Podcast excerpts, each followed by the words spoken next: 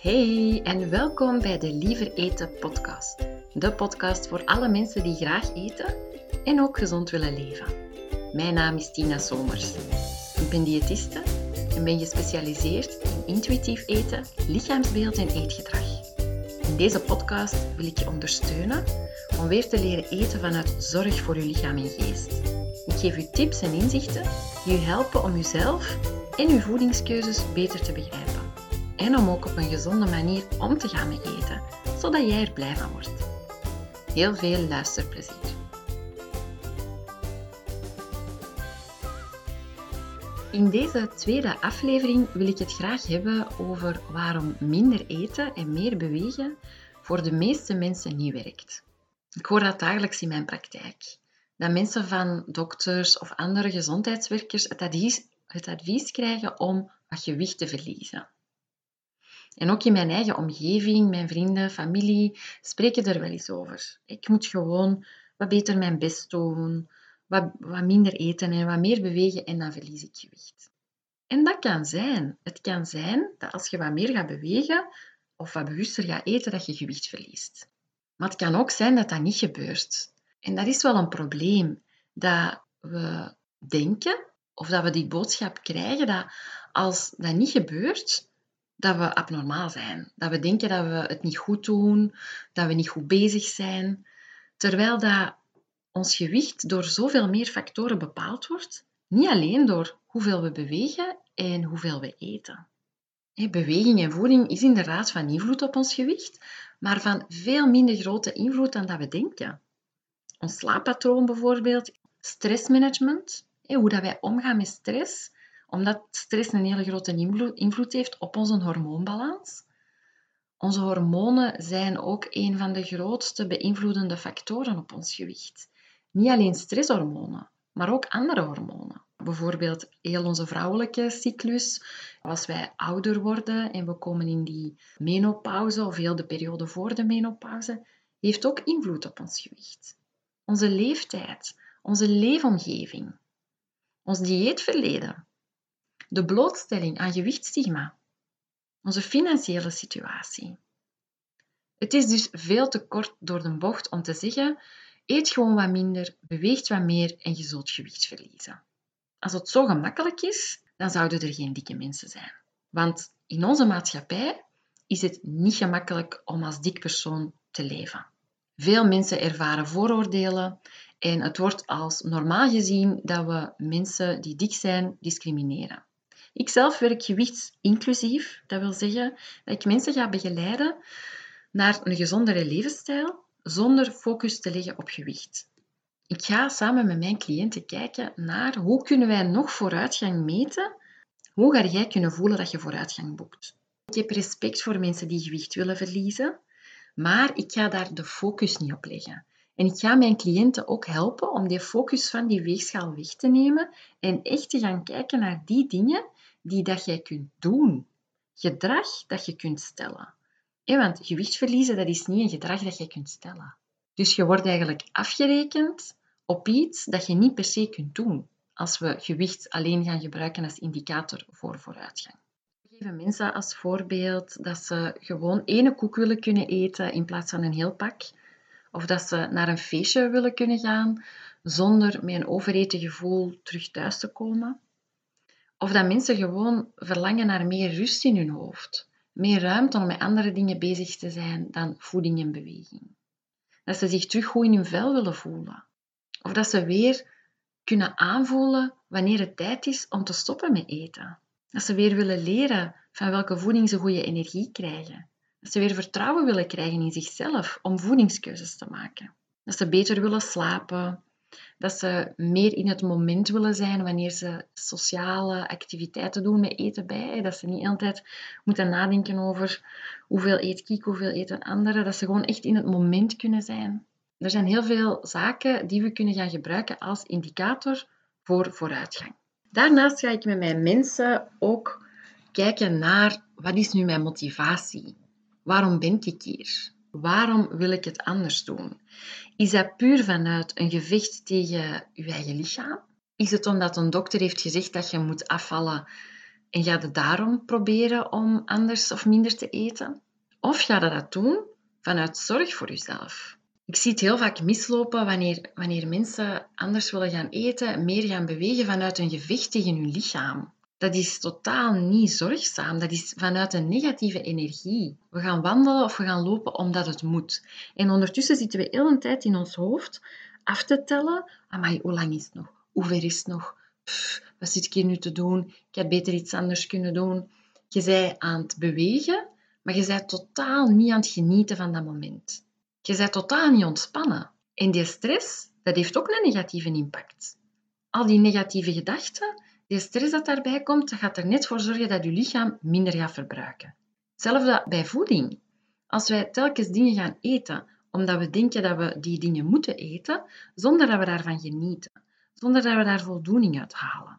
Terwijl we de hele tijd in ons hoofd hebben, oh, ik zou liever iets anders eten, maar ja, dit is nu de enige optie, want ik moet gewicht verliezen, want het moet eraf.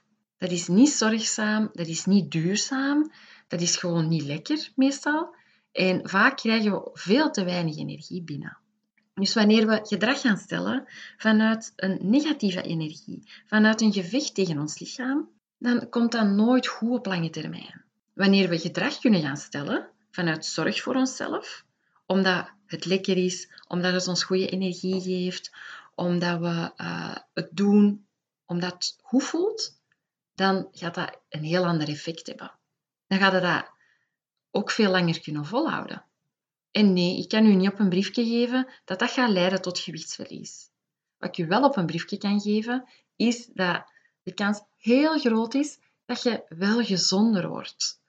Dat je meer ontspannen gaat zijn tijdens je eten, dat je meer gaat genieten, dat je daardoor ook veel meer je honger en verzadiging gaat kunnen respecteren, dat je met plezier gaat bewegen, dus dat je ontspannen gaat terugkomen na je beweegmoment en dat wil niet zeggen dat je eens niet goed kunt zweten of even afzien tijdens een beweegmoment. Dat mag zeker ook. Dat hoeft niet, maar dat mag.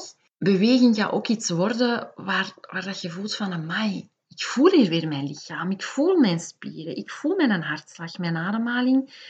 En ik ga dat doen vanuit, vanuit respect voor mezelf.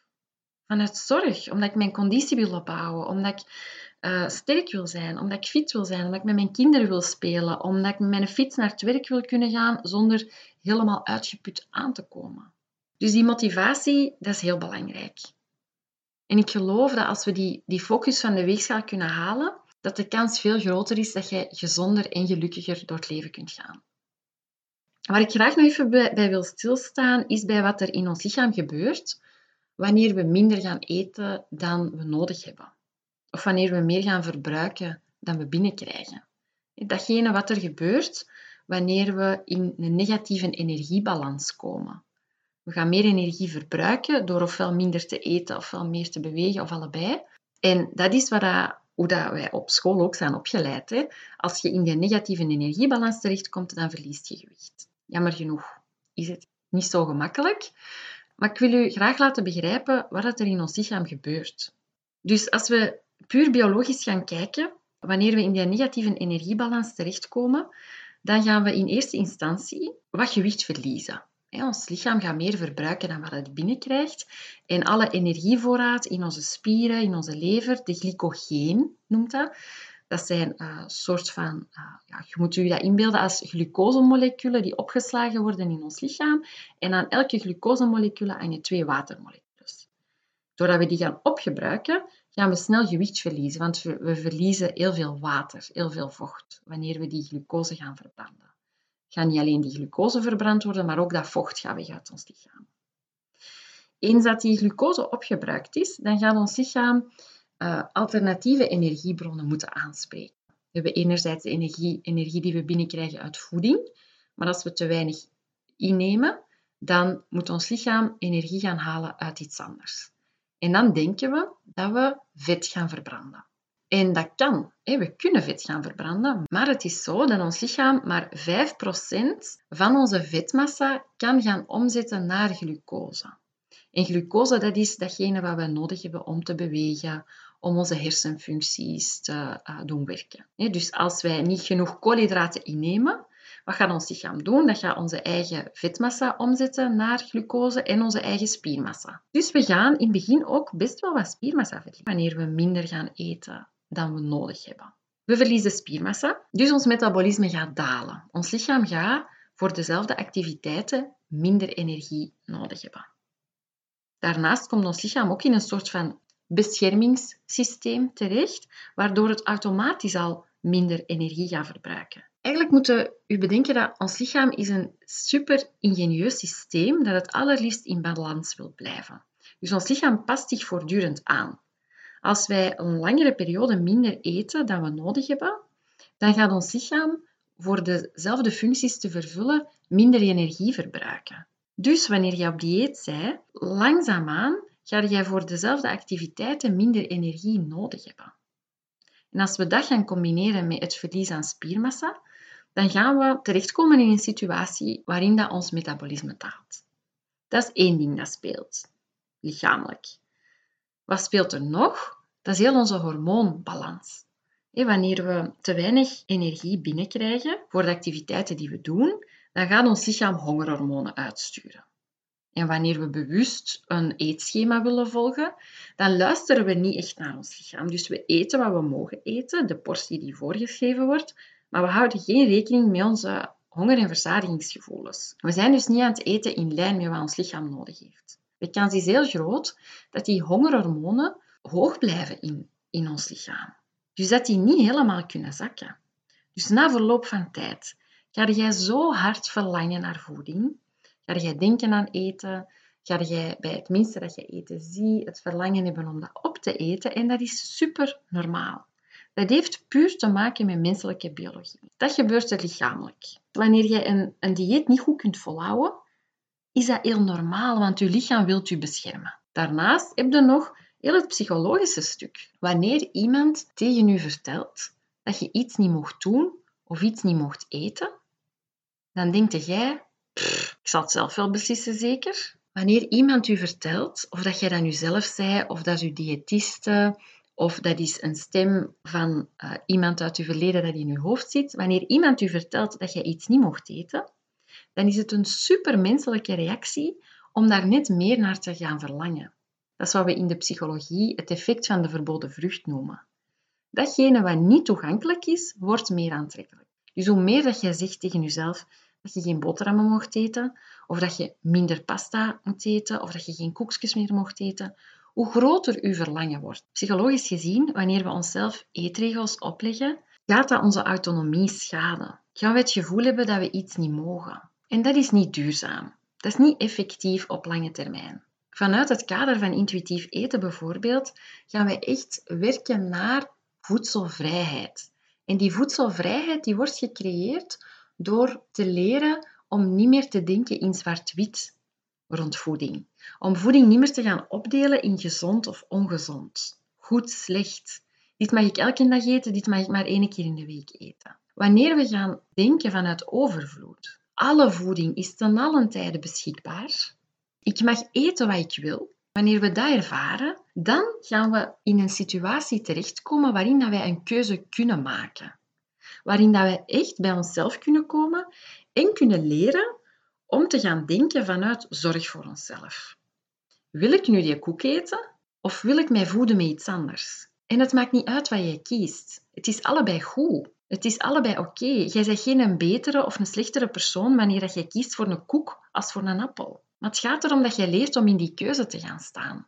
En we kunnen alleen maar een keuze maken wanneer al die vooroordelen en ja, al heel dat moreel stuk rond voeding, wanneer dat, dat weggehaald wordt. Alle voeding past binnen een gezond en gevarieerd eetpatroon. Jij kan boterhammen met choco eten en ook gezond leven. Dat kan. Wat er psychologisch ook nog speelt, is dat wanneer wij zwart-wit denken over voeding, dat wanneer dat we eens een keer toch iets hebben gegeten dat we ons hadden voorgenomen om niet meer te eten, je hebt dan toch dat, dat chocolatje gepakt als je collega trakteerde met haar verjaardag. En dan denkt je, ik heb het nu toch al verbrot. Ik kan beter nog wat chocolatjes eten, die zijn super lekker. En voordat je het weet, ga je all the way. Heb je een overvol gevoel, heb je veel te veel chocolade gegeten En kom dan s'avonds thuis en denkt, oh, ik heb het nu toch al verbrod, ik ga een pizza bestellen, want ik heb al jaren niet meer gegeten. En ofwel begin je de volgende dag terug ofwel blijf je heel de week hangen in die negativiteit en in dat fuck it effect. What the hell, ik heb het nu toch al verbrod. We beginnen maandag terug goed. En dat is wat er voor heel veel mensen ook voor zorgt dat we, wat gaan, dat we gaan jojoen. Hè? We vallen af, we komen weer bij, we doen het weer supergoed en super strikt en dan verbrodden we het weer. Dat neemt superveel ruimte in in ons hoofd. Dat schaadt niet alleen onze eigenwaarde, we voelen ons gefaald. Na verloop van tijd, hoe vaker dat we dat meemaken, hoe meer dat we in die, uh, in die negatieve energie terechtkomen. Er zijn zelfs mensen die uh, angstig worden rond voeding, die depressieve gevoelens krijgen, die een negatief lichaamsbeeld, een negatief zelfbeeld ontwikkelen of zelfs eetstoornissen. Dus diëten, bewust anders gaan eten, ons bewust meer gaan bewegen, louter vanuit een insteek ik wil gewicht verliezen, dat is voor de meeste mensen niet helpend, niet werkend. Het is veel interessanter om te gaan kijken naar wat vind ik belangrijk in mijn leven. Hoe wil ik in het leven staan? En welke waarde heeft voeding en gezondheid? Hoe kan ik mijn voedingskeuzes gaan koppelen aan die dingen die ik belangrijk vind in mijn leven? Zodat we duurzaam gezond gedrag kunnen stellen. Ik hoop dat deze aflevering u wat meer inzicht heeft gegeven in de complexiteit van gewicht verliezen. Gewicht wordt niet alleen bepaald door voeding en beweging, maar ook door onze leefomgeving, onze financiële situatie, onze hormoonbalans, medicatiegebruik, blootstelling aan gewichtsthema. Er zijn zoveel beïnvloedende factoren. Onze, onze genen zijn bijvoorbeeld ook van invloed. Dus probeer om met zachtheid te kijken naar je eigen proces.